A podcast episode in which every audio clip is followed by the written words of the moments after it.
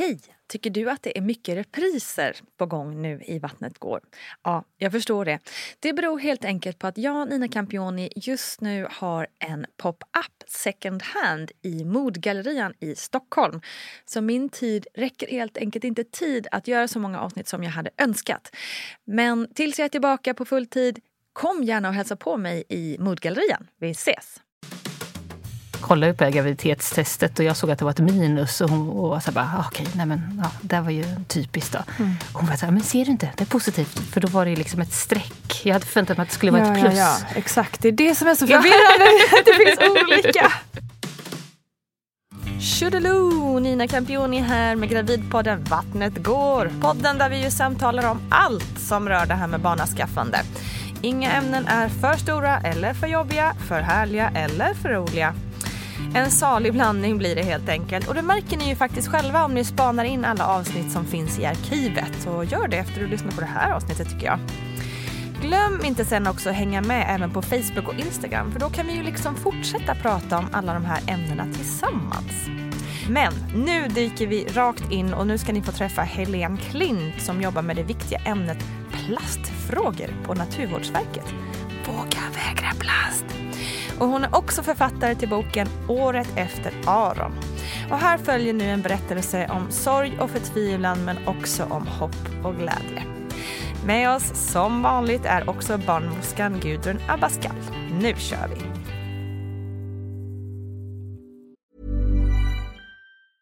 Normally, being a little extra might be a bit much, but not when it comes to healthcare. That's why United Healthcare's Health Protector Guard fixed indemnity insurance plans, underwritten by Golden Rule Insurance Company, supplement your primary plan so you manage out of pocket costs. Learn more at uh1.com. Quality sleep is essential for boosting energy, recovery, and well being. So, take your sleep to the next level with Sleep Number. With a Sleep Number smart bed, you can individualize your comfort level and enjoy a better sleep night after night. JD Power ranks Sleep Number number 1 in customer satisfaction with mattresses purchased in-store. And now the Queen Sleep Number C4 smart bed is only $1,599, a saving of $300 only for a limited time. For JD Power 2023 award information, visit jdpower.com/awards. Only at Sleep Number stores or sleepnumber.com. Ryan Reynolds here from Mint Mobile. With the price of just about everything going up during inflation, we thought we'd bring our prices down. So to help us, we brought in a reverse auctioneer, which is apparently a thing.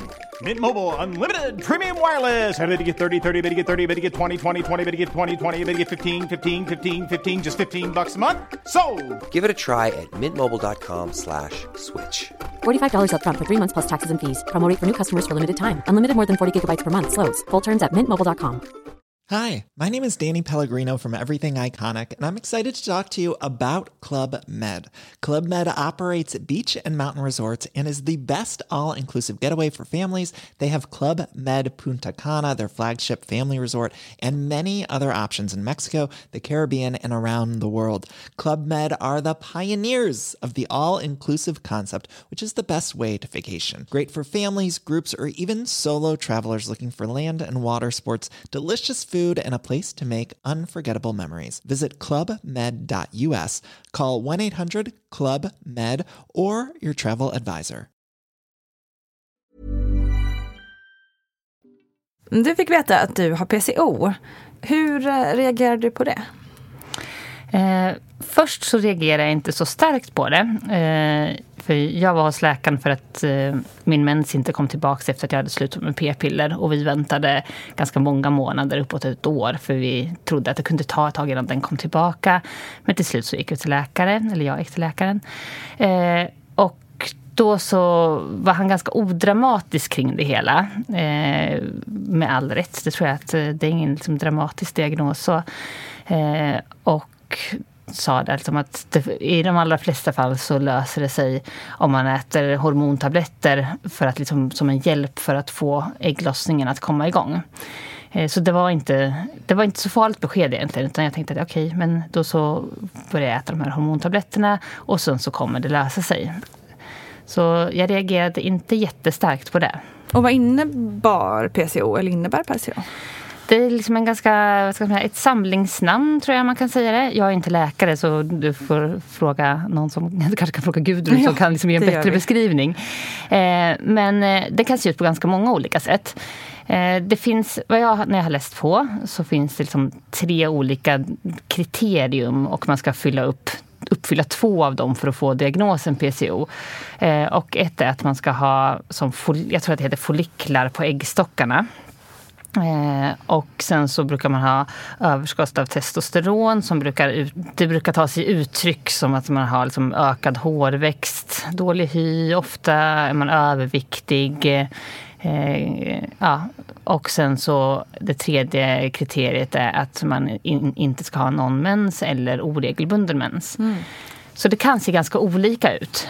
Eh, I mitt fall så hade jag, jag har ingen ägglossning så jag har ingen mens. Eh, och sen så har jag lite förändringar i hormonnivåerna som syns, liksom, det syns på labbsvar fast det är ingenting som eh, vad min läkare har sagt i alla fall, man skulle liksom höja på ögonbrynen på i vanliga fall. Eh, så jag, det är lite gränsfall till att jag uppfyller de här kriterierna och det, vill jag också, det kan se ut på väldigt olika sätt. Mm. Men det, var ju, det fanns ju ändå en anledning då till att du gick till läkare. Att du, ja. du var intresserad av det här med barn. Ja, precis. Ja. jo, men vi hade börjat, eller vi var drygt 30, jag och min kille. Vi hade varit tillsammans länge, sedan 20-årsåldern. Och Eh, jag hade velat haft barn ganska länge. Liksom känt att det, ja, eh, det började bli dags. Jag var väldigt sugen.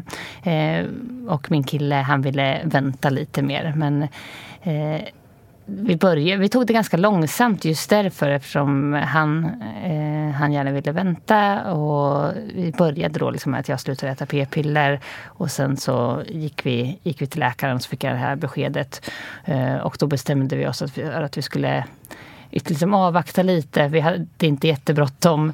Eh, men eh, vi bestämde att vi skulle börja äta de här, att vi skulle börja med behandlingarna liksom något år senare. Okay. De här hormon... Ja, hormonbehandlingar, hormonpillerna. Mm. Precis. Så eh, kanske något år efter att jag hade fått PCO, eller fått diagnosen PCO, så började jag med hormonpiller. Mm. Vi började med en kur. Den fungerade inte.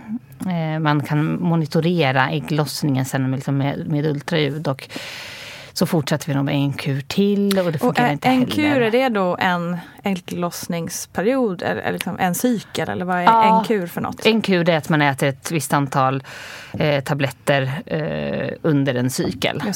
Och sen så ska det framkalla en ägglossning. Mm. Men det fungerade inte i mitt fall. Mm. Och det här var ju ett tag sedan så jag kommer inte ihåg exakt alla detaljer men vi försökte några gånger med tabletter och det fungerade inte. Eh, och sen så steget efter det eh, är att man får pro, eh, börja med hormonsprutor. Mm. För då kan man ge högre doser. Så då så gav väl egentligen en liknande behandling fast i injektionsform så att jag fick ta sprutor själv. Mm. Så man, sen så monitorerade man ägglossningen med ultraljud. Och då tar man sprutor själv hemma? Ja, Hur var det? Sprutor. Första gången så var det lite läskigt. Eh, jag har en kompis som har diabetes så jag frågade, rådfrågade henne, hon är van. Eh, men det kommer man in i ganska snabbt. Det är ganska lätta sprutor, liksom, som en penna. Mm. Okay. Eh, och det, vi höll på med de där sprutorna ett tag. Man kunde se vissa framsteg men vi fick inte det heller att fungera riktigt. Så när vi hade hållit på med sprutorna då så... Ja, framåt, så jag tror att vi började med tabletter då vid årsskiftet. Kan det ha varit 2015 eller någonting sånt. Eh, och sen så övergick vi då till sprutor. Och det tyckte jag var ganska jobbigt att genomgå. Eh, att ta de här sprutorna. Det är liksom starkare hormoner. Det blir också en lite mer... Det är lite mer invasivt, lite mer pyssel när man tar mm. sprutor. Eh, och sen så blev jag ju mer och mer liksom, psykiskt påfrestad och liksom, stressad mm. över att det inte fungerade. Såklart. Men påverkade hormonerna dig på något annat sätt? Rent humörmässigt och kroppsligt på något annat sätt? Ja, det skulle jag säga att det, det gjorde. Eh, jag mådde inte så bra av eh, under den tiden jag tog sprutor. Eh, och man varvade liksom sprutorna med en slags, eh, en annan typ av hormontabletter som jag inte kommer ihåg vad de heter just nu. Eh, men det var för att framkalla en mens mellan ägglossningarna, tror jag. Någonting mm. sånt där. Mm. och de mådde jag väldigt eh, dåligt av. Eh, jag fick ganska starka humörsvängningar. Jag kände inte igen mig själv, helt enkelt. Eh, ja, blev ganska ledsen och arg och glad. Mm. Upp och ner. Eh, och sen är det alltid svårt att säga vad som är medicinerna och vad som är liksom en konsekvens av att man mår dåligt över hela processen. Mm, visst. Mm. Och allting känns ju verkligt oavsett om den är kemiskt framkallad ja. eller om den är liksom på grund av omständigheter. Mm. Att det är väldigt svårt att reda ut vad Visst. som är vad. Mm. Eh, så vi höll på med de här sprutorna eh, fram till sommaren. Och sen så Eh, gav vi upp helt enkelt. Eh, den läkaren som jag gick till då tyckte att det inte var meningsfullt att fortsätta. Mm. Och då så fick vi en remiss för att fortsätta med IVF. Hur kändes det då? Var det en lättnad eller var, kände du bara... Oh. Jag tyckte det var jätteskönt. Mm. Då fick vi lite lämna över ansvaret på någon annan nästan. Mm. Så vi hade hållit på så länge så det kändes som att det var tid.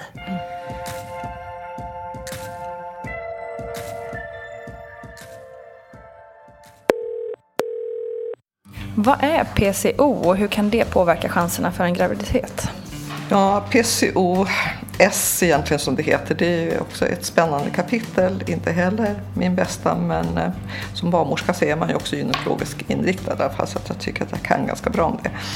PCOS står ju då för polycystisk ovarialsyndrom, så tjusigt är det så att jag förstår att man har gjort en förkortning för det är knepigt att hålla på och säga det hela tiden. Men PCO det innebär att man har många äggblåsor som sätter sig på äggstocken. Alltså inte färdiga ägg som lossnar utan själva äggblåsen, äggblåsor som sätter sig där. På det viset kan det då blockera ägglossningen så att man inte får, får någon ägglossning. Och man vet att, att det här sker ofta i kombination att man har en hög testosteronhalt i, i kroppen. Så. Och eh, de här besvären som man har det är ju det här och då att man sällan eller aldrig har mens och väldigt oregelbundet om man har någon. Man har också, så kan man säga att många kvinnor får en ökad behåring på hela kroppen och på bröstet. Att man får finnar, man kan gå upp i vikt och man har svårt att bli med barn och man kan också påverka humöret att man är nedstämd och håglös och minskad sexlust. Det är väl det som man brukar eh, plocka fram i det hela. Så. Finns det något man kan göra åt det? Ja, alltså det är ju då att man ska få, få ett eh, läkemedel så att man får igång ägglossningen så kroppen kommer igång till sin normala, till normala status. Och där finns det olika med läkemedel som man, som man kan få. Så att här ska man ju söka hjälp och få hjälp för att bli utredd över och så vidare. Så det, jag tycker att man har fått, tidigare tycker jag att man hade inte så stor förståelse för det här med PCO. Men idag så har man mycket mer så att man söker hjälp hos en gynekolog. Men ofta så är det mensen man märker det här på, liksom att, man, att den krånglar. Så.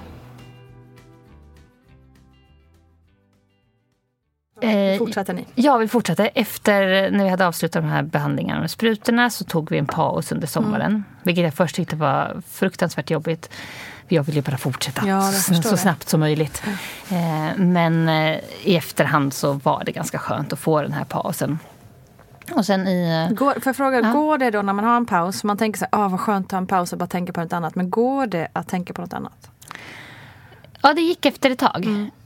Uh, först, uh, som jag sa, så ville jag inte ha en paus först överhuvudtaget. För jag var så oerhört uppe i det här. Det är en så uppskruvad stämning kring hela, uh, vad ska man säga, vilja få barnprocessen. Ja. Eh, men efter några veckor den sommaren och vi åkte bort, vi var på Gotland och besökte några vänner. Och, eh, då så kunde jag ändå slappna av mm. Eh, och fick lite distans till det. Så det, det blev, det mm. blev bra ändå. Mm. Men sen så kom vi igång med IVF-behandlingar på hösten i, kan det vara september någon gång? och och eh, vi hade tur då och IVF-behandlingen fungerade på första försöket. Så vi blev wow. gravida. Mm. Fantastiskt. Ja, det var, det var jätteskönt. Mm. Eh, det var som en sten lättade mm. från hjärtat. Och ja, det var så här, äntligen, nu mm. så är det över. Mm. Trodde du det liksom när du såg så här, plusset på stickan typ Förstå, liksom, förstår man? Ja jäklar det gick. Eller Eh, Ja. helt overkligt. Nej, det var helt Det var ganska roligt faktiskt. Eller ja, det var ju roligt. uppenbarligen. Men eh, jag drabbades av vad heter det, överstimulering n- under IVF-behandlingen. Vad innebär det? Det innebär att det är ganska smärtsamt faktiskt. Man får liksom vätskeansamling i buken. Eh, så jag blev... Jag fick en jättestor mage. Eh, Hade svårt att gå, hade väldigt ont. Det var liksom vätska eh, som tryckte på lungorna och så, här, så jag hade liksom svårt att andas. Eh, ja, det, det, var jätte, det var ganska kämpigt. Eh, och då så gick jag till, eh, besö- gick jag till IVF-kliniken på grund av det här. Då. Och när jag var där så eh, sa hon liksom, ja, okej, men eh, gå och ta ett graviditetstest. Fast det inte var, det var inte dags ännu. Så jag hade inte tänkt att jag skulle göra det. Och sen så satt jag på hennes kontor och sen så eh, kollade jag på graviditetstestet och jag såg att det var ett minus. Och hon och var så bara, "Ah, okej, nej men ja, det var ju typiskt då. Och hon var så här, men ser du inte? Det är positivt. För då var det liksom ett streck. Jag hade förväntat mig att det skulle vara ett plus. Ja, ja, exakt. Det är det som är så förvirrande. det finns olika. Men det där var liksom ett streck och det tolkar jag som ett minus men det Ja. var ett positivt besked. Wow. Ja, och det var tydligen det här att jag blev överstimulerad. Eh, det var ett tecken på att graviditeten hade fungerat. Mm. Det är inte så att det behöver vara så varje gång men om jag fattade rätt så blev det liksom ett dubbelt upp på de hormonerna som vi hade tillfört och Ja, de. Mm. hormonerna som min kropp producerade. Och det resulterade i det här. Och jag kan inte detaljerna kring det men det var så det skedde. Wow. Mm, så det var jätteroligt. Ja. Och sen blev du, var, du, var du en gravid människa. Ja, precis. Jag var en gravid människa. Eh, Jag hade en väldigt bra graviditet. Eh, Inga, större, inga större krämpor. Jag var ganska fysiskt pigg. Eh, Och sen fram till när, vi var, när jag var i vecka 27 eh, då så hade jag, jag hade varit och tränat. Det var en fredag och sen så hade jag och tränat efter jobbet. Så jag var ju liksom eh, pigg eh, och eh, ja, pigg och glad. eh, och sen så när vi kom hem då på, på fredagskvällen så började jag få lite känningar först. Att jag hade, liksom, hade lite ont i ryggen. Eh, vi hade svärmor på besök så att jag ville liksom inte göra för stor grej av det. Jag tyckte att det här det är inga problem. Eh, och sen så blev jag, alltså mer jag fick lite yrsel och kände mig liksom allmänt risig så jag gick och, eh, jag gick och la mig i sängen och vilade. Eh, och sen så började jag få någonting som jag tolkade som sammandragningar. Som ganska snabbt blev värre och eskalerade. Eh, och under liksom kanske bara loppet på en halvtimme så hade jag jätteont. Eh, så då så ringde vi först till eh, sjukvårdsupplysningen. Eh, Och eh, under den tiden när vi väntade på sjukvårdsupplysningen så liksom blev det snabbt, snabbt väldigt mycket sämre. Eh, och då ringde vi direkt 112 insåg att nu är det dags att ringa 112. Mm. Och när vi då pratade med 112-personalen så hade jag ju fruktansvärt ont och eh, det var väl liksom jag har hört talas om verkstormar, jag vet inte om det var där, det var liksom verk på verk som kom. Liksom. Eh, Allting, det är lite diffust det här för det gick väldigt snabbt. Snabbt och långsamt samtidigt på något sätt. Eh, Så jag kunde knappt prata med eh, 112-personalen för att jag hade så ont. Eh, Sen så, de skickade en ambulans. Eh, Under tiden när vi väntade på ambulansen så gick vattnet eh, verkligen så här splash på golvet. Eh, Och då förstod jag att så här, nu så är det på riktigt och här, det här är inte bra. Och ja, men ambulans... Hur kände du då? Var det rädsla eller koncentration? Eller vad, hur, liksom, Mm. hur reagerade du? Då när vattnet gick, då blev jag rädd på riktigt. Då blev jag liksom skräckslagen. Sådär. Och, för jag visste ju att det var alldeles för tidigt. Eh, och jag tänkte liksom, det här får inte hända. Liksom, det får inte hända, absolut. Eh, innan det hade jag nog mest, eh, vad ska man säga, fokus på att hantera situationen. Men det var just när vattnet gick som jag förstod att nu så är det ingen återvändo riktigt. Eh, men ambulanspersonalen kom. De skjutsade oss till SÖS som ligger bara några kvarter därifrån vi bor.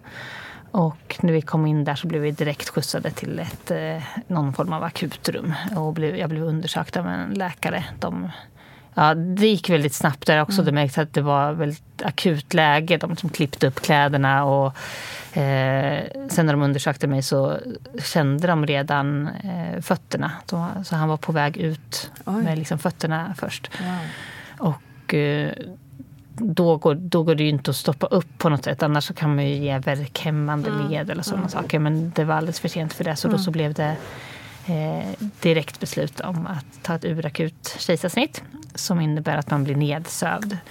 Så jag skjutsades in i en operationssal och blev sövd. Och ja, sen så vaknade jag upp några timmar senare. Eh, och eh, min man Arvid stod i... Ja, han fick ju vänta i rummet bredvid. Inte förlossningssalen, operationssalen var det ju. Mm. Vad är nu skillnaden på akut, urakut och planerat kejsarsnitt? Ja, om vi börjar då med akut kejsarsnitt som du frågar. Då är det att då har förlossningsarbetet startat. Vattnet har gått eller verkarna har börjat. Och, men att det, och då att man gör en bedömning att här mår barnet eh, visar någon form av stress eller förlossningen blir långdragen, att, man behöver avbryta inom rimlig tid. Men man har ingen tidsfaktor att man säger att måste barnet vara ute så, utan man säger att inom, man har tid på sig så det är inte så här jätte, jätte, jättebråttom. Så. Och sen så kommer vi till urakut. Så idag så är, kallar vi det inte för ur, urakut för det blir så dramatiskt så vi kallar det numera för omedelbart kejsarsnitt. Idag. Och säger man då ett omedelbart kejsarsnitt, då kan man säga att då, är det, då ska barnet vara ute från beslut tills barnet är fram, eh, knivtid och barnet är ute, så är det 15 minuter, det är vad man, vad man har. Så då går det ju väldigt, väldigt, väldigt fort faktiskt. Och då handlar det om att det här handlar om, om barnet och mammas liv eller någon av dem. Men då är det bråttom och då hinner man ju inte med att informera någonting. Det är jättetufft. Och då får man ju ta allting efteråt sedan. Och jag kan säga att alla förlossningskliniker är ju organiserade så när det gäller både med narkosläkare, operationspersonal allting, så att man ska kunna genomföra det här. Man tränar, har också tränat, tränar på det. Det är bra på det. Och sedan planerat kejsarsnitt, ja det är ju att kvinnan av någon anledning, att man tar ett beslut Eh, under, under graviditeten att det, det, här är bättre med ett kejsarsnitt. Till exempel så havandeskapsförgiftning tror jag är en av de vanligare anledningarna till att man gör planerat kejsarsnitt. Eller att barnet ligger med, med stjärten neråt och man har gjort vändningsförsök och så vidare. Det är väl också en vanlig anledning. Och sen har man ju också det här på att vissa kvinnor inte vill föda vaginalt. Och man har kommit fram till att ja, även om vi inte har någon medicinsk indikation på det här så är det här bättre just för den här enskilda kvinnan. Och så får man ett planerat kejsarsnitt. Och då får man ett datum. Ett planerat kejsarsnitt görs ju inte före vecka 32 plus 0 om man inte har en stark medicinsk anledning att göra det tidigare. Jag läste ju här i din bok också att du vaknar upp där och, och först tror att du är ensam. Ja. Och så, ja och så, men så börjar liksom rummet bli större och större för dig på något vis. Och så. Ja, precis. Till slut fattar du kanske, undrar vad, vad, vad hände egentligen?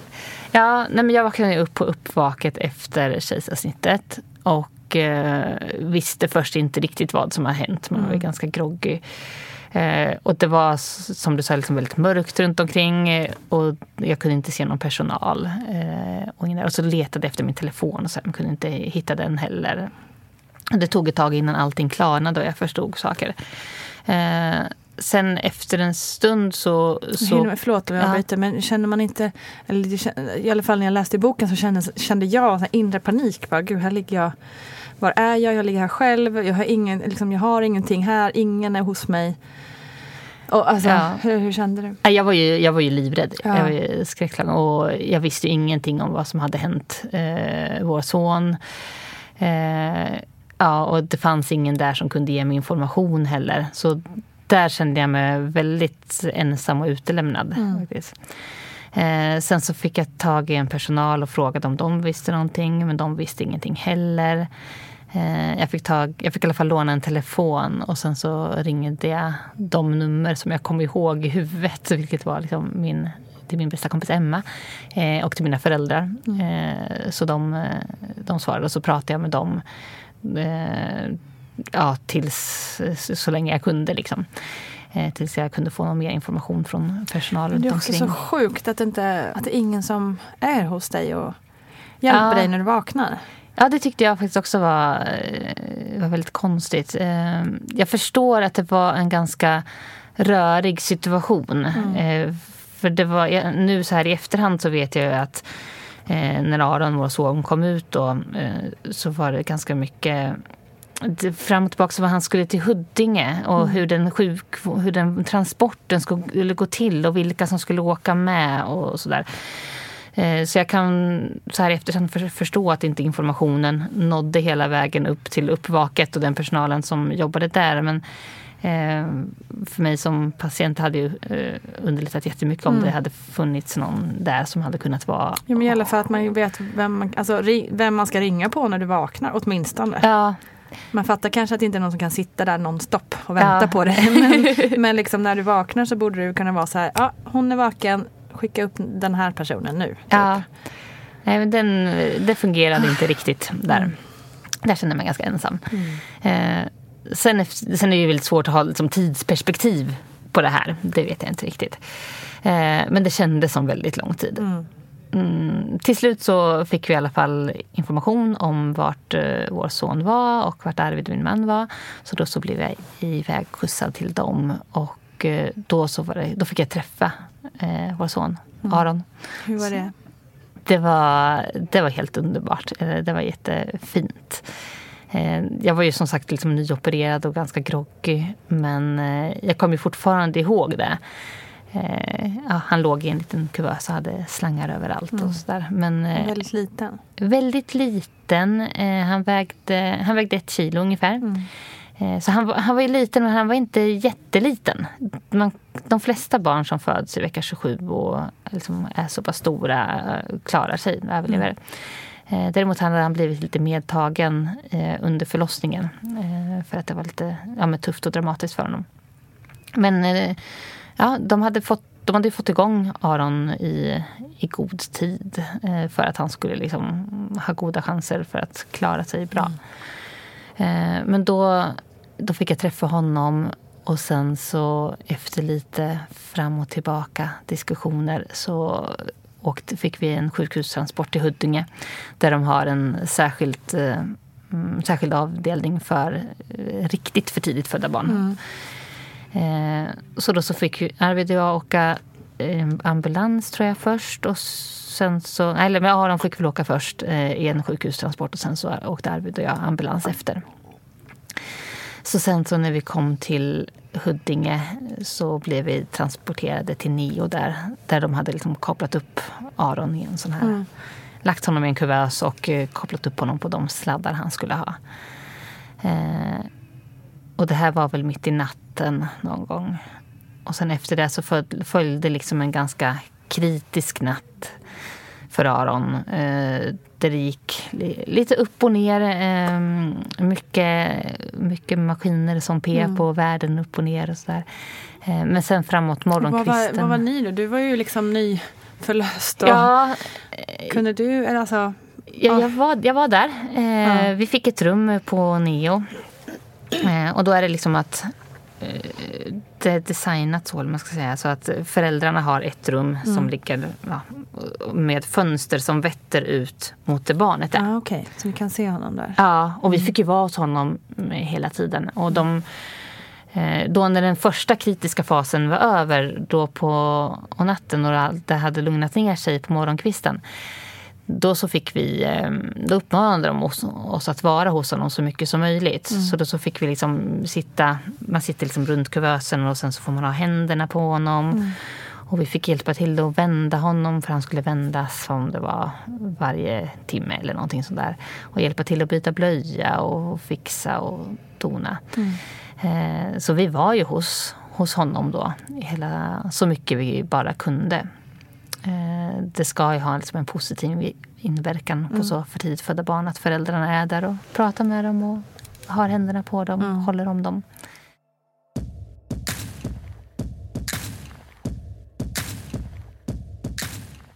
Det började lugna ner sig och eh, vi började ställa in oss på att eh, vi skulle spendera liksom, de kommande veckorna på Neo. mm, vi, fick, ja, vi var med på ronden och tittade på röntgenplåtar. Och, eh, allting såg bra ut. Eh, liksom. Så vi hade ändå ganska vi hade goda förhoppningar även om läkaren liksom tryckte ändå på att liksom, det är fortfarande kritiskt. Att han var väldigt liten och medtagen, men stabil. Mm.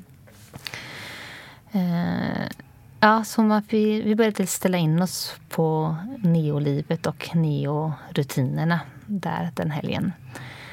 Eh, och sen så gick det väl eh, ja, mm, en, ett dygn ungefär. Mm. Eh, så liksom natten därpå så vet jag att jag vaknade av att eh, det, hände, det hände saker i rummet utanför där, där Aron låg. Så jag tog mig ut dit. Jag hade väl jag hade dropp fortfarande tror jag. Jag kommer inte ihåg riktigt. Ja, jag stapplade ut. och då så förstod jag att det hade börjat bli kritiskt igen. Eh, då var det återigen det här att eh, världen som studsar upp och ner och maskiner mm. som piper och mycket liksom, vad ska man säga, eh, upptagen stämning hos de som jobbade där. och det fortsatte några timmar, jag vet inte riktigt hur lång tid. Efter en stund, alltså efter, jag vet inte riktigt, efter någon timme när det hade varit den här liksom, vad ska man säga, kritiska Eh, stämning så vet jag att jag, att jag svimmade eh, och att någon, någon läkare eller sköterska tog emot mig och liksom mm. ledde in mig på rummet. Eh, och då så skjutsade de ut sängen istället så att den fick vara bredvid, eh, bredvid Arons eh, kuvös. Och eh, då var Arvid, Arvid var ju med där också. Eh, men vi, det pågick några timmar. Vi satt hos honom eh, och det blev mer och mer kritiskt skulle jag väl säga. Och läkarna gjorde allt för att rädda honom. Eh, men till slut så eh, insåg de väl att det inte gick. Eh, det var en jag vet att det var en sköterska som kom fram och frågade om vi ville ha en präst dit. Eh, det tackade vi nej till. Mm. Eh, det är sen, ju också de där orden som man bara, ja, då, då, inser man liksom. Då inser man att liksom nu så är, är inte det här, mm. det är på väg att gå dåligt. Och sen så var det också en sköterska som kom fram och frågade vad han hette. Det hade de gjort några gånger under, under liksom de, den dagen, de dagarna vi var där. Eh, och eh, då sa vi att vi inte visste. Men då sa hon så här att nej, men det är nog bra om, att, om han har ett namn. Mm. Så då var så okej, okay, ja, men han heter Aron. För det hade vi pratat om. Mm. Eh, och det är jag jättetacksam för så här i efterhand. För det betyder väldigt mycket att han fick ett namn eh, mm. liksom medan han fortfarande levde. Eh, men sen till slut så insåg läkaren att de inte kunde göra mer. Eh, så då så, ja, då så kopplade de bort honom från eh, slangarna. Eh, de frågade om vi ville ha honom hos oss. Och, och det ville ju jag jättegärna. Jag hade mm. längtat så mycket efter att få, få hålla honom. Mm. För det hade jag inte fått göra ännu. Eh, så även om vi förstod det och då vad det innebär att vi skulle få upp honom hos oss eh, så var det lite som att jag blockerade det där och då och liksom inte riktigt ville... Jag väntade nog medvetet omedvetet om att ta in att det skulle vara slutet. Eh, mm. Och liksom valde att lite så här glädjas åt att få hålla honom. Så då fick vi ha honom hos oss eh, tills, eh, ja, tills han gick bort. Ja, under en tid. Mm. Tills vi kände att vi var redo. Ja, det, var jätte, det var jättefint. Eh, och det kommer jag fortfarande ihåg som en väldigt fin stund. Mm. Mm. Och sen så kom det jättemycket jobbiga saker efteråt. Men just där och då var det väldigt fint.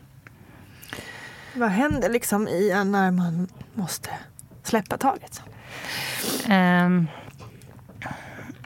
ja, alltså, nu kan jag ju bara tala för mig. Och lite som jag beskrev där så uh, var, var det som att jag lite, lite gick utanför situationen. Mm. Uh, och uh, jag tror man är nog inte redo. Det kanske är någon slags psykologisk mekanism att man, kan in, man är inte förmögen som person att ta in allt som händer på en gång. Utan då tog jag in att jag fick hålla honom hos mig. Eh, och eh, sen efteråt när vi liksom kände oss klara och lämnade över honom till sjukvårdspersonalen så gick vi in på vårt rum och då behövde jag ha närhet. Liksom så, ja, så jag, vet inte, så här, jag tog av, mig alla, tog av mig kläderna och så åt Arvid att ta av sig kläderna också för jag behövde känna hud. Så jag, då kröp vi bara ner och låg och kramades och höll om varandra. Eh, och jag vet inte hur länge då. Det var tills, tills en läkare kom och knackade på. Eh, och efter det så följer den här liksom stunden när man får tvätta och ta handavtryck och fotavtryck och sådana saker och klä på honom. Och det, eh, sjukhuset har ju en process för de här sakerna. Och Hur sen- viktig tror du den processen är? jag tror att den är jätteviktig. Mm, och eh, jag vet, jag, först kände jag som att, jag liksom, att jag inte skulle klara av det. Jag stod framför hans eh, lilla säng, för han låg i en liten korg då om jag inte minns fel. Och de hade plockat fram kläder som han skulle ha på sig. Och bara kunde inte ta ett steg till. För jag klarade, in- klarade inte av att... Jag, ja, jag trodde inte jag skulle klara av det. Men sen så var det ju så att jag förstod på något intuitivt sätt att, hur viktigt det är. Eh, så då fick jag liksom bara... Ja, jag vet inte, skärpa sig är fel ord, men eh, ja, vi fick göra det helt enkelt. Och sen så... Ja, efter att den processen var klar så då fick han vara i ett stilla rum, kallar de det. Så då fick vi gå in till honom eh, så mycket som vi ville och vara hos honom så mycket som vi ville under den dagen som följde. Och mina föräldrar kom dit eh, och, skulle, och ja, de skulle hjälpa oss att skjutsa oss hem också. Eh, så de fick eh, komma in och träffa honom också, eller se honom där han låg där. Ja, under den tiden, under den dagen på nio, där när Aron levde så var också eh, min bror och Arvids mamma och syster där och eh, hälsade på så att de fick se honom eh, när han fortfarande levde. Vilket också känns väldigt fint så här i efterhand. Ja, sen så... Så han hade sin familj hos sig. liksom. Ja, precis. Och sen så när vi kände oss redo, om det var någon, ett dygn efter eller någonting sånt, så fick vi åka hem. Eh, och det är väl kanske där det riktigt, jag vet inte, det riktigt jobbiga började. Liksom att, att komma hem från BB utan ett barn och komma hem till en tom lägenhet utan ett barn. Det var ju ja, men obeskrivbart svårt, skulle jag säga. Det var inte så det skulle bli. Nej, verkligen inte. Eh, och jag var väldigt rädd för vad som komma skulle. Och jag förstod ju hur, eh, vilken tuff situation vi, vi var i. Eh, och jag hade längtat efter barn väldigt länge innan vi fick Aron och eh, kämpat med behandlingar och IVF. Och det gör ju absolut inte att eh, sorgen blir värre. Det är liksom inte där jag påstår. Men jag var ganska bräcklig redan från början. och inte, Jag tror inte man kan vara rustad för en sån här sak. Det tror jag verkligen inte. Eh, men jag var ganska illa rustad för det. Eh, så jag var nog ganska rädd för vad som skulle hända. Alltså jag känner ju bara så att man skulle känna bitterhet och också kommer det här kunna gå igen eftersom man inte vet, alltså eftersom det varit svårt Mm. från början. Kände du, kände du dig bitter eller hur? Mm. Alltså just eftersom ni kämpat så Mm, mycket och precis. sen så, fan. Inte till en början. Eh, till en början eh, så... Ja, det här är svårt att uttrycka. Jo, men jag kände väldigt mycket kärlek. Det är helt fel att säga att jag kände mig glad, för det var jag verkligen inte. Men eh, ja, vi tog emot så väldigt mycket alltså, kärlek från människor runt omkring oss. Vårdpersonalen var helt fantastisk. Eh, våra familjer och vänner var också eh, helt underbara och skickade mycket blommor och ringde och gjorde allt vad de eh, kunde göra. Mm, så jag kände mig väldigt tacksam, det är väl det jag ska säga, till att ha så mycket liksom, fina människor runt omkring mig. Eh, och sen så, jag tror ju så här i efterhand att den här första tiden efteråt, första veckan, att det är någon slags chockfas innan man har tagit in vad som händer. Plus att jag hade ju det här, jag var ju nybliven mamma, eh, vilket var så svårt att förhålla sig till. Eh, och min, min kropp var mamma. Just det. Så skulle man kunna säga. Eh, och hade ju det hormonpåslag som en nybliven mamma har och eh, mjölk som kommer. Och det, det var ett väldigt virrvarr av känslor då. Mm. Eh, svårt att förklara men jag kände liksom väldigt mycket så här, jag var fruktansvärt ledsen och jag kände väldigt mycket värme och tacksamhet till människorna som vi hade runt omkring oss. Mm. Så bitterheten kom inte då. Det kom väl senare kanske. Mm. Det är väl hela den här sorgeprocessen som mm. kommer i olika sjok, mm. gissar jag. Ja.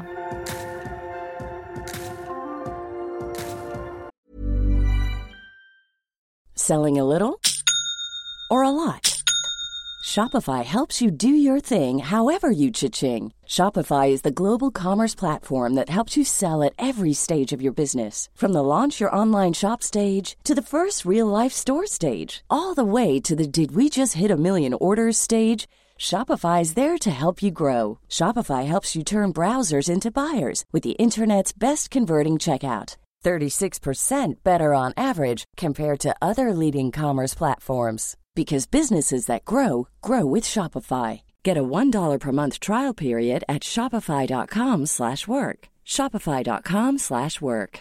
Cool fact: A crocodile can't stick out its tongue. Also, you can get health insurance for a month or just under a year in some states. United Healthcare short-term insurance plans, underwritten by Golden Rule Insurance Company, offer flexible, budget-friendly coverage for you. Learn more at uh1.com.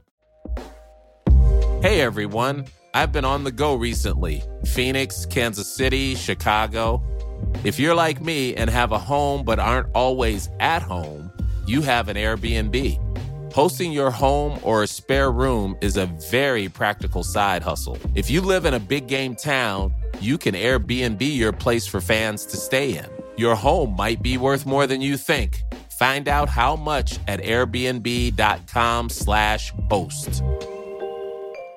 Quality sleep is essential for boosting energy, recovery, and well being. So, take your sleep to the next level with Sleep Number. With a Sleep Number smart bed, you can individualize your comfort level and enjoy a better sleep night after night. JD Power ranks Sleep Number number 1 in customer satisfaction with mattresses purchased in-store. And now the Queen Sleep Number C4 smart bed is only $1,599, a saving of $300 only for a limited time. For JD Power 2023 award information, visit jdpower.com/awards. Only at Sleep Number stores or sleepnumber.com. Hey, I'm Ryan Reynolds. Recently, I asked Mint Mobile's legal team if big wireless companies are allowed to raise prices due to inflation. They said yes. And then when I asked if raising prices technically violates those onerous two-year contracts, they said, "What the f*** are you talking about? You insane Hollywood ass." So to recap, we're cutting the price of Mint Unlimited from $30 a month to just $15 a month. Give it a try at mintmobile.com slash switch. $45 up front for three months plus taxes and fees. Promo for new customers for limited time. Unlimited more than 40 gigabytes per month. Slows. Full terms at mintmobile.com. Kan man säga en period som var tuffast, liksom, när det var som allra värst? Eh, ja, det skulle jag säga är liksom hösten som kom efter att Aron gick bort. Eh, han föddes 8 april. Eh, och eh, jag var ganska, ganska snart efter att vi hade förlorat Aron så ville jag ha försök, visste jag att jag ville försöka få ett nytt barn. Mm. Mm. Och det var också kopplat till ganska mycket skam och skuld gentemot Aron. för att jag ville liksom inte... Det fanns ingenting som kunde ersätta honom. Mm.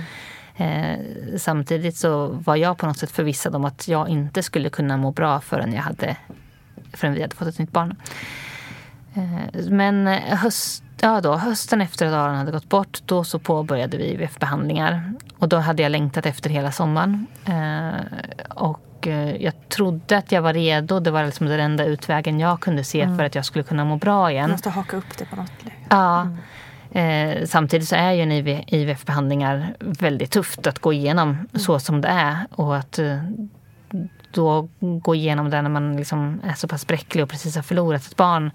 Eh, det var jätte, jättesvårt. Eh, och det, väl, det var väl under den perioden också som jag tror att den här riktiga sorgen kom ikapp oss. Jag kom ikapp mig. Eh, så då hade jag ganska alltså mycket...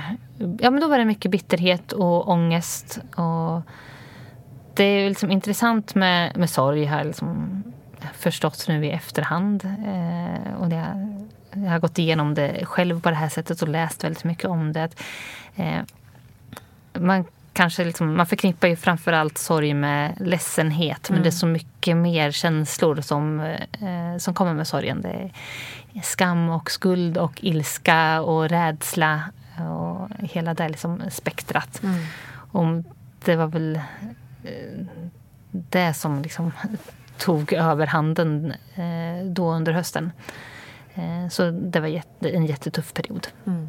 Får jag också fråga, vad, alltså vad sa, jag tänker så här, i och med att du kom dit, skulle påbörja IVF med det här bagaget, var, var det ingen inom sjukvården som avrådde dig från att börja igen? Eller man lyssnar kanske inte på det överlag? Nej, precis. De, de försökte nog. Ja. Eh, men eh, som sagt, jag, jag ville ju mm. så, så gärna. Och jag kan inte säga att det var fel i efterhand för att eh, jag vet inte riktigt eh, det var en så svår situation så det fanns ingen bra lösning. Eh, och eh, jag, jag tror vi var på IVF-kliniken mm, innan sommaren 2016. Alltså kanske någon månad eller två, två månader kanske efter att Aron hade gått bort. Och då var det mer för ett samtal om vad som hade hänt och lite så här förutsättningslöst. Hur, vad kommer hända sen och behöver vi vänta? Finns det någon särskild tidsperiod som man rekommenderar? Eller så? Men det finns inga, inga direkta sådana rekommendationer.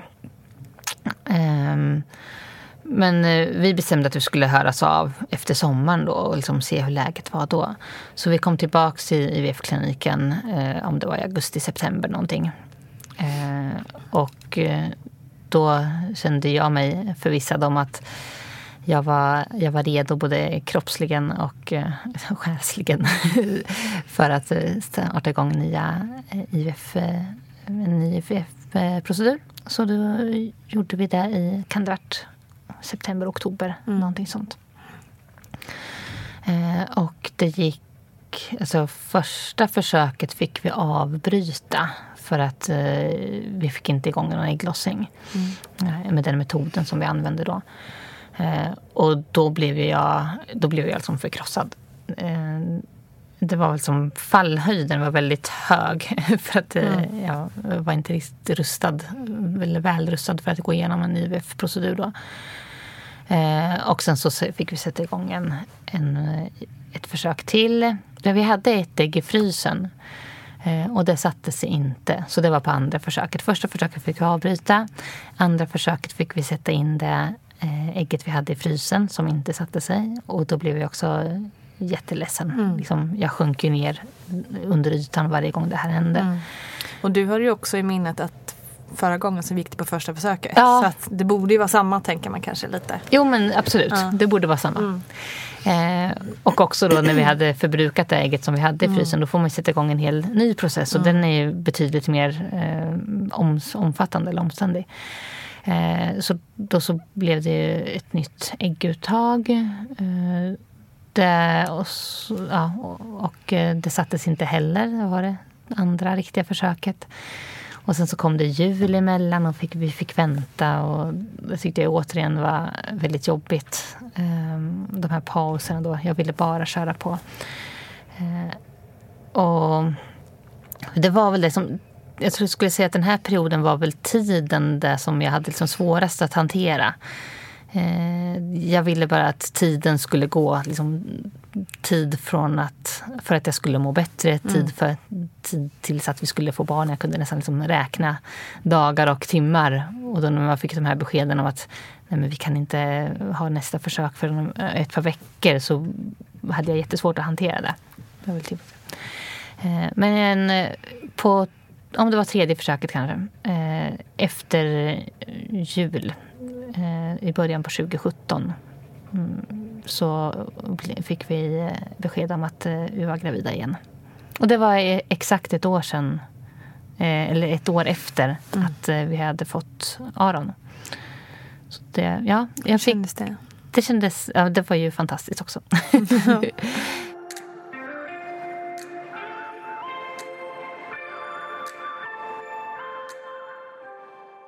Jo, men vi fick ju beskedet om att eh, vi var gravida igen den 5 april 2017. Oh, wow. Och eh, Aron hade kommit den 8 april Mm. året innan. Så det där kommer jag ihåg det där väldigt väl. Mm. Och jag måste säga, det var också det var väldigt bra. För under det här året mellan att Aron hade gått bort och vi blev eh, gravida med Karl. Så det är ju det jobbigaste året som jag har varit med om. Mm. Eh, men, eh, och jag gick i väldigt mycket terapi under det här året och jobbade mycket med min sorg. Eh, men då när, vi, när det hade blivit vår, när det hade gått ett år, eh, då hade jag ändå kommit till en punkt där jag mådde mycket, mycket bättre. Eh, och lärt mig hantera liksom, ångesten som jag hade drabbats av. Jag, nämnde ju tidigare att hösten var som jobbigast. Eh, och det var lite på våren, då hade vi kommit ut på andra sidan. Eh, och jag måste säga att jag är väldigt glad över att vi hade kommit ut lite grann på andra sidan när, vi väl, när jag väl blev gravid igen. Så att eh, både för att jag var på en bra plats i livet och för att, eh, vad ska man säga, att det inte var graviditeten som gjorde att jag mådde bättre. Jag Ja, hade men precis, du hade blivit bättre av dig själv. Så att Ja, säga. precis. Mm. Jag hade liksom klarat Mm. eh, av den här liksom svå, allra svåraste fasen. Och det måste ju vara stärkande för sig själv. Bara Mm. veta att jag kan Mm. klara det där. Ja, Mm. nej men det var det. Så det, det var väldigt bra. Eh, ja, så då så var vi gravida igen. Mm. Härligt. Mm. Hur var det då att vara gravid när man vet att förra gången så gick det väldigt fort i redan i vecka 27 och det gick åt helvete minst sagt. Jo. Eh, ja, det, var ju, det var ju en svår graviditet eh, så liksom, med tanke på liksom oro och Mm. eh, så. Eh, men det var ändå lättare än vad jag hade trott att det skulle vara. Eh, mycket för att eh, jag, sagt, jag hade gått i mycket terapi och eh, lärt mig mycket om oro och ångest. Och, jag höll på med yoga och meditation. Och, så de, de verktygen som jag använde för att hantera liksom, sorgen och oron och ångesten efter Aron. De kom väldigt väl till pass under den mm, under vår graviditet, andra graviditeten. Mm. Och jag mådde kroppsligt väldigt bra. Eh, så på så sätt var det bra. Eh, och sen så... Det var också en lättnad för oss att veta att eh, alltså, vi hade fått moderkaksavlossning. Det var det som orsakade förlossningen. Okej, ja. mm, just det, det gick vi aldrig in på. Nej, precis. men det var just det, det. var Mm. det som satte igång eh, Mm, mm, förlossningen med Karl. Eh, att det var en blödning från moderkakan. Och det är väldigt ovanligt. Och vi hade pratat med vår förlossningsläkare mm, efter att Aron hade kommit eh, och pratat om att som sagt det är väldigt ovanligt. Och, eh, återupp, återupprepningsrisken är väldigt låg. Mm. Och vi hade även fått, eh, jag fick äta trombyl då under tiden för det kan man göra som, det ska minska risken för att det ska hända igen. Eh, Så vi var ju liksom ganska säkra på att det här är ingenting som kommer hända igen. Eh, Så det hjälpte ju också till. Eh, Så jag klarade av den. Den graviditeten var ändå mm, bättre än vad jag hade trott att den skulle vara. Vad skönt. Ja. Ja, moderkaksavlossning det innebär då att moderkakan lossnar från livmoderväggen och barnet be- befinner sig fortfarande inne i livmodern. Och det här är ju ett väldigt akut och faktiskt livshotande tillstånd både för kvinnan och barnet. Så att det är då, för lossnar moderkakan då får barnet ingen syra alls. Och ibland så, kan ju, ibland så kanske inte hela moderkakan utan delar av moderkakan lossar så att man kan ha lite tid på sig. Och eh, kvinnan börjar också blöda och kan förlora väldigt mycket blod från, kommer ju då från det området där moderkakan har lossat. För där står det massor med blodkärl och bara pumpar på. Så att här gäller det liksom att snabbt ingripa och då är det ett omedelbart kejsarsnitt som, som gäller så att säga. Framförallt om en stor del av moderkakan har, har lossat. Är den mindre så är det inte lika, lika akut. Så att det där är olika grader så kan man ändå eh, säga. Så. Och det här är vanligare om man har, en havandeskapsförgiftning till exempel så är vi mera observanta på det. Om barnet, så kallad tillväxthämning, att barnet inte växer i den takt som barnet ska. att eh, kvinnan röker. Det vet man att rökning har en stor faktor på det här. Och man vet inte riktigt bakgrunden till varför det blir på det här viset. Mer att man ser att det är en form av felaktig immunreaktion om man ska använda fint ord. Eller en kronisk inflammation pratar man också i blodkärlen. Men att, och att moderkakan fungerar dåligt och därför så släpper det. Men vi har inte löst det här hela. Svårt att förutsäga. Precis. Men just när du var i vecka 27. Alltså var, det någon slags liten, var det någon slags magisk gräns jo, för dig? Jag det kan var tänka det. mig. Ja. Mm. Eh, det var det. Och både för att eh, Aron föddes då och också för att vecka 27 är lite av en magisk Mm. gräns eh, när man tänker på lungornas utveckling och så här. Idag så klarar man ju barn liksom ner till vecka 23 Mm, ibland. Så, men det är ändå, ju längre tiden går Mm. och efter vecka 27 så är ju chansen att de ska klara sig eh, och klara sig utan men eh, väldigt mycket större. Så ja, det var jättehärligt att passera den. Jag kan bara föreställa mig, det måste ha varit otroligt Mm. skönt. Mm, det var det verkligen. I, när jag var i vecka 34, med, när jag var gravid för andra gången, så började jag få ont i ryggen. Ganska lite ont i ryggen, eller så här, förhållandevis lite. Eh, Jag trodde att jag hade sträckt mig. Och det där pågick i, i några dagar. ehm, Och tänkte att jag, jag hade varit och simmat, så jag trodde att det var en sträckning.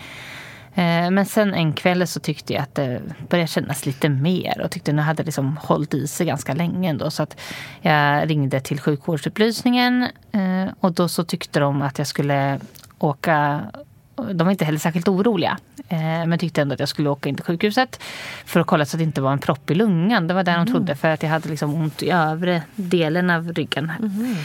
Ehm, Och det var ingen smärta som du kände igen från förra? Nej, det var det inte. Utan eh, det var, det var annorlunda. Och inga liksom verkar eller sammandragningar eller någonting sånt. Eh, Så vi åkte in, fick eh, skjuts av en kompis. Och då i bilen in till SÖS så fick jag, då började jag få ont i magen. Och få mer och mer ont. Och så åkte vi in till akuten och det var, visade sig vara fel ställe att åka till. Vi skulle till förlossningen så då så skickade de oss vidare. Och då gick allting väldigt, väldigt fort igen. Eh, från att liksom vi satt i bilen in och eh, vi kom in på akuten. Då fick jag helt plötsligt så pass ont så jag hade svårt att gå själv. Och de liksom skjutsade mig med bår in till förlossningen. Eh, och när de... Först så såg allting ganska normalt, eller så bra ut. Förutom att jag hade ont då. Eh, så de avvaktade lite. Eh, Men sen så gick, eh, gick, såg de att hjärtslagen på barnet gick ner. Och jag fick jätteont. Och eh, då så sa de väl liksom fattade de beslut med en gång att, de skulle, att det var dags för urakut kejsarsnitt. Vad känner du då? Eh, små, ja, men smått panik. Eh, det, var, det var ju det första, liksom, panik. Och eh, mm, jag vet så här, allting går ju väldigt fort då. Så Mm. det är det här att man, de springer i sjukhuskorridorerna och ligger på en brits där. Eh, och jag vet jag liksom sa, jag tror jag sa högt liksom så här, nej inte, inte en gång till. Mm. Liksom, inte en gång Mm. till. Så först, det första var att jag blev liksom panikslaget rädd. Och sen så ganska snabbt så växlade jag det till att liksom tänka så här, men nej, det här, det här kommer gå bra. Det är liksom, han, han är stor och vi kommer klara det här. Och Mm. Det nu blir kör inte vi. en gång till. Nej, det blir inte en gång till. Så att eh, det var nog någon liten adrenalinkick som Mm. satte igång där. Så här, men nu, nu kör vi, nu gör vi det här. Eh, men då så blev jag sövd eh, igen och sen så eh, ja, tog de ju ut eh, Karl och Arvid var i rummet bredvid och väntade. Eh, och han har berättat då i efterhand att eh, stämningen när Karl föddes då i eh, operationsrummet, det var, det var mycket lugnare. Så han, alltså jag tror väl att han var skräckslagen också. Att Det, var ingen lätt upplevelse för honom. Men ändå så kunde man liksom märka att det var annorlunda än när Aron kom. För Aron var ju betydligt mindre. Mm. Eh, och återigen så vaknade jag upp några timmar senare på uppvaket.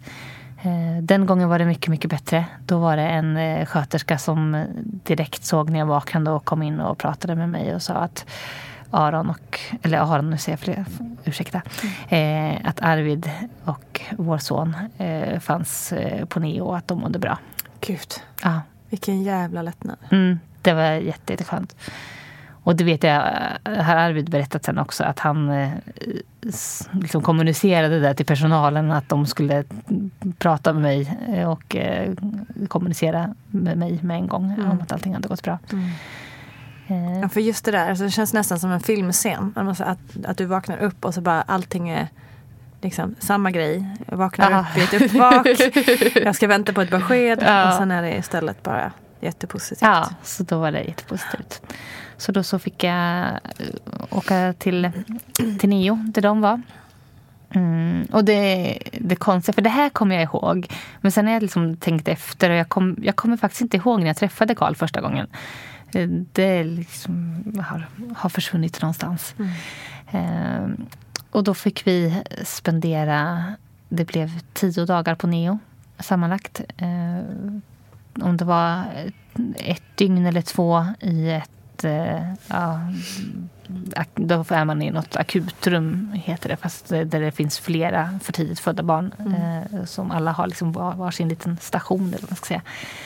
Eh, och sen så fick vi flytta in i ett eh, familjerum så att eh, vi fick, ja, fick boa in oss där. Eh, och det var, det var en jättefin tid. Vi var, Kändes det tryggt liksom, den här gången? Eller kändes det som att du väntade på att höra ljud i korridoren? Alltså, förstår du vad jag menar? Ja, eh, nej, tryggt det är en överdrift. ska jag säga. Eh, Man har ju... Men i och med att han var... Karl var mycket större än vad Aron var. Eh, Och efter ett par dagar så tyckte jag ändå att eh, det började kännas ganska tryggt.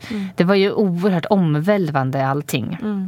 Mm, så ja, känslorna gick ju åt alla möjliga håll där i början. Och jag vet att jag var väldigt ledsen eh, strax efter att det hände. Jag grät och grät och jag var ledsen över att jag hade missat förlossningen. För jag ville så gärna föda, föda barn. På, eh, riktigt hade jag liksom, innan Karl kom så eh, hade jag velat få revansch på förlossningen så som den gick med Aron. Utan Jag ville nästan föda utan eh, bedövning och lyssnade väldigt mycket på din podd. eh, och sen så blev jag, jag är så besviken över att det inte hade blivit som det hade blivit.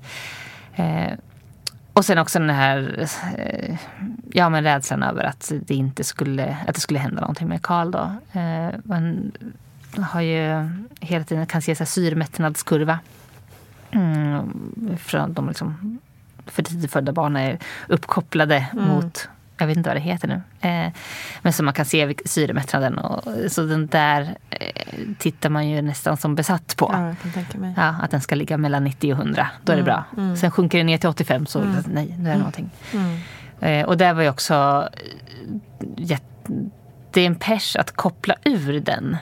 Och det vet jag att andra föräldrar till för tidigt födda barn också har sagt. Att man vill ju ha det här liksom... Ja, Ta med det hem. Liksom. Ja, övervaket. Gärna tills att de fyller 18. Precis. det är väldigt svårt. Eh, men, eh, så det blir en liten stegvis procedur när man kopplar ur det där. Först har man det av några timmar om dygnet kanske och sen har det på på natten. Och, eh, men sen till slut så vågar de ju ta bort det helt. Mm, och sen så fick vi komma hem efter tio dagar. Den här gången var ni inte själva. Nej, den gången var vi inte själva. Det var, ja, det var ju fantastiskt. Det var jättehärligt och bra. Och Aron fick en lillebror. Ja, precis. Är det så det känns? Eller hur? Ja, det är. Eh, samtidigt, det, det är väldigt viktigt för mig att eh, Aron liksom räknas. Eh, att eh, jag är tvåbarnsmamma. Eh, och eh, jag brukar... Jag brukar förs- om jag får frågan liksom, eh, så brukar jag säga att jag, att jag har två barn men att ett barn har... Att vi förlorar det första. Eller sådär. Eh, Ja, så det är viktigt för mig att eh, Aron räknas och att eh, Karl är lillebror. Och när han är stor nog att förstå det så kommer vi ju berätta det för honom. Fint. Mm, verkligen.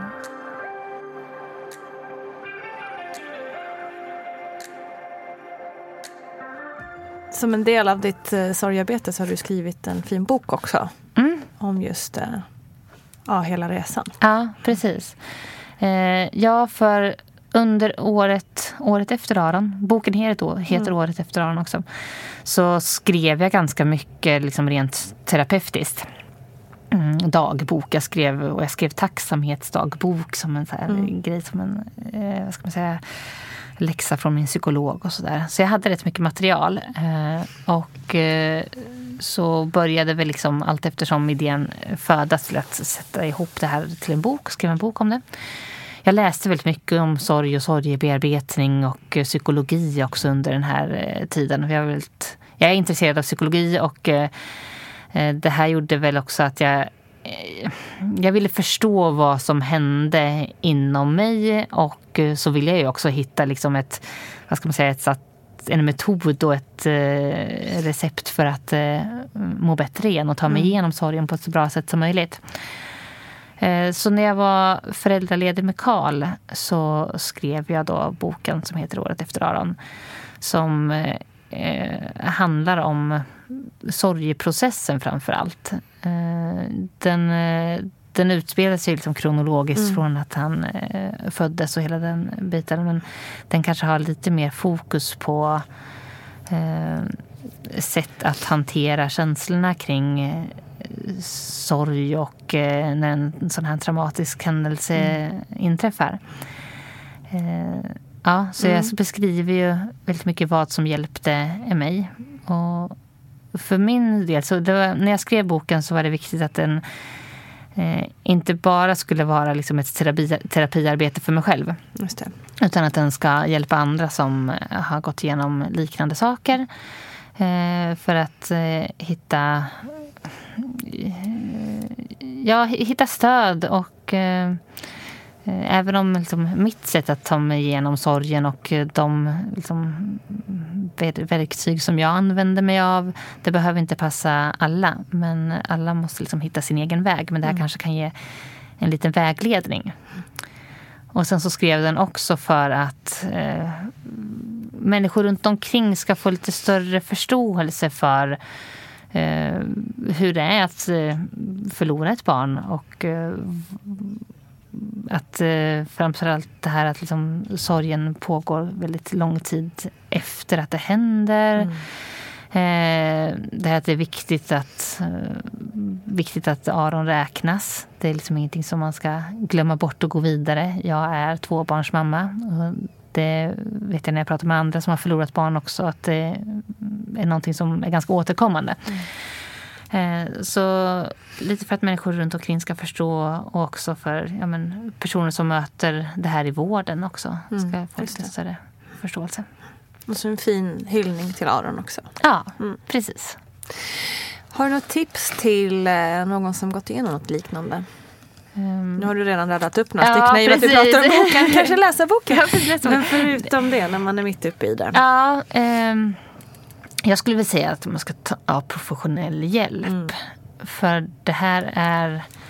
Alltså, det, är en, det är en jättetuff sorg man måste ta sig igenom. Eh, det kommer bli bättre. Eh, och eh, den här liksom sorgeprocessen måste få ta sin tid men det finns sätt att liksom hantera det som kommer med. Oro, ångest, ilska, eh, rädsla, eh, sådana saker. Eh, Så ja, absolut, ta, ta professionell hjälp. Vi hade en jättefin kurator som vi- fick från Huddinge. Och henne träffade vi några gånger. Men efter det så var vården inte så eh, vad ska man säga, bra på att lotsa oss vidare till, Okej. eh, till en psykolog. Eh, vilket jag tyckte att vi behövde. Mm. Jag var väldigt rädd. Alltså med den bakgrunden jag hade, att jag inte hade mått bra innan jag blev gravid med Aron. Så var jag väldigt rädd att jag skulle bli, vad ska man säga, sjuk på riktigt. Att jag skulle bli deprimerad. Eh, och eh, det här gräns... Att veta vad som är skillnaden mellan sorg och depression är jättesvårt när man är där. Så jag ville ha någon som eh, liksom fångade upp mig om jag gick över gränsen. Om jag, föll, om jag föll över gränsen. Eh, så därför var det jättebra att ha en psykolog. Eh, men som sagt, vi fick inte hjälp av det, med det från sjukhusets Nej. del, från, från vården, utan det fick vi ta i själva. Eh, och som jag hade tur, jag hade tagit en gravidförsäkring. Eh, vilket, och där ingick det... Okej. Ja, Jättebra så tips, Det är tips. Och vi Ja. hade till och med den här eh, gratisvarianten. Okej, Eh, ja. som Jag kommer inte ihåg om det var Folksam eller Länsförsäkring. Jag kommer inte ihåg. Det finns Man ett par får söka runt lite. Ja, man Men det är ju ett jättebra tips. Mm. Att man har en, en bra gravidförsäkring. Ja, för då så fick vi tio gångers kristerapi. Gud vad bra. Mm, det var jättebra. Eh, Så det är ett eh, väldigt konkret tips. Ja.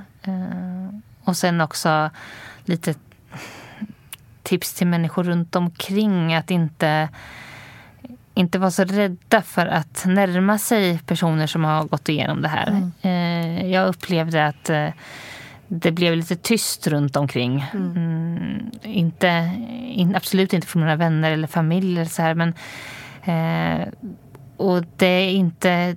Det är väl liksom i ren välmening för att eh, personer är lite rädda för hur de skulle... Jag vet, ja, de var rädda för hur de skulle närma sig mig, hur mycket de skulle våga fråga.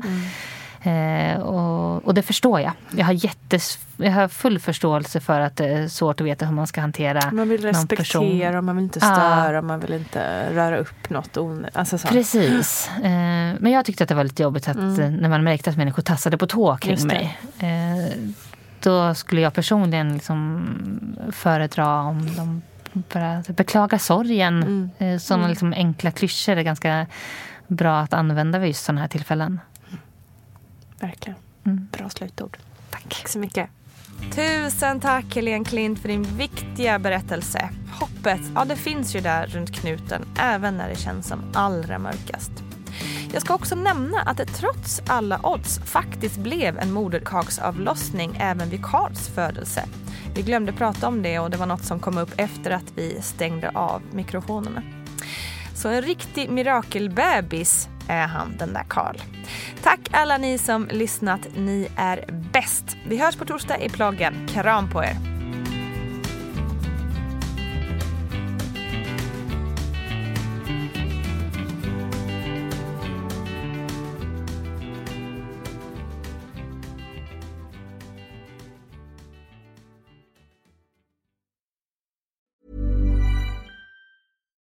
Hi, this is Bachelor Clues from Game of Roses, of course, and I want to talk about Club Med. Everybody knows Club Med has been the pioneer of the all inclusive resort since 1950, with almost 70 resorts worldwide, ranging from beachside destinations in the Caribbean and Mexico to exotic locations like the Maldives and Morocco, or even the mountain destinations like Japan and the European Alps. Dine on delicious gourmet cuisine, enjoy more than 20 activities, and make memories with your family. For more information, visit clubmed.us or call 1 800 Club Med or your travel advisor. As humans, we're naturally driven by the search for better. But when it comes to hiring, the best way to search for a candidate isn't to search at all. Don't search, match with Indeed. When I was looking to hire someone, it was so slow and overwhelming. I wish I had used Indeed. If you need to hire, you need Indeed. Indeed is your matching and hiring platform with over 350 million global monthly visitors, according to Indeed data, and a matching engine that helps you find quality candidates fast. Ditch the busy work. Use Indeed for scheduling, screening, and messaging so you can connect with candidates faster. And Indeed doesn't just help you hire faster. 93% of employers agree Indeed delivers the highest quality matches compared to other job sites, according to a recent Indeed survey. And listeners of this show will get a $75 sponsored job credit to get your jobs more visibility at Indeed.com slash podcast. That's Indeed.com slash podcast. Terms and conditions apply. Everybody in your crew identifies as either Big Mac Burger, McNuggets, or McCrispy Sandwich. But you're the filet fish Sandwich all day. That crispy fish, that savory tartar sauce, that melty cheese, that pillowy bun. Yeah, you get it. Every time. And if you love the filet of fish, right now you can catch two of the classics you love for just $6. Limited time only. Price and participation may vary. Cannot be combined with any other offer. Single item at regular price. Ba-da-ba-ba-ba.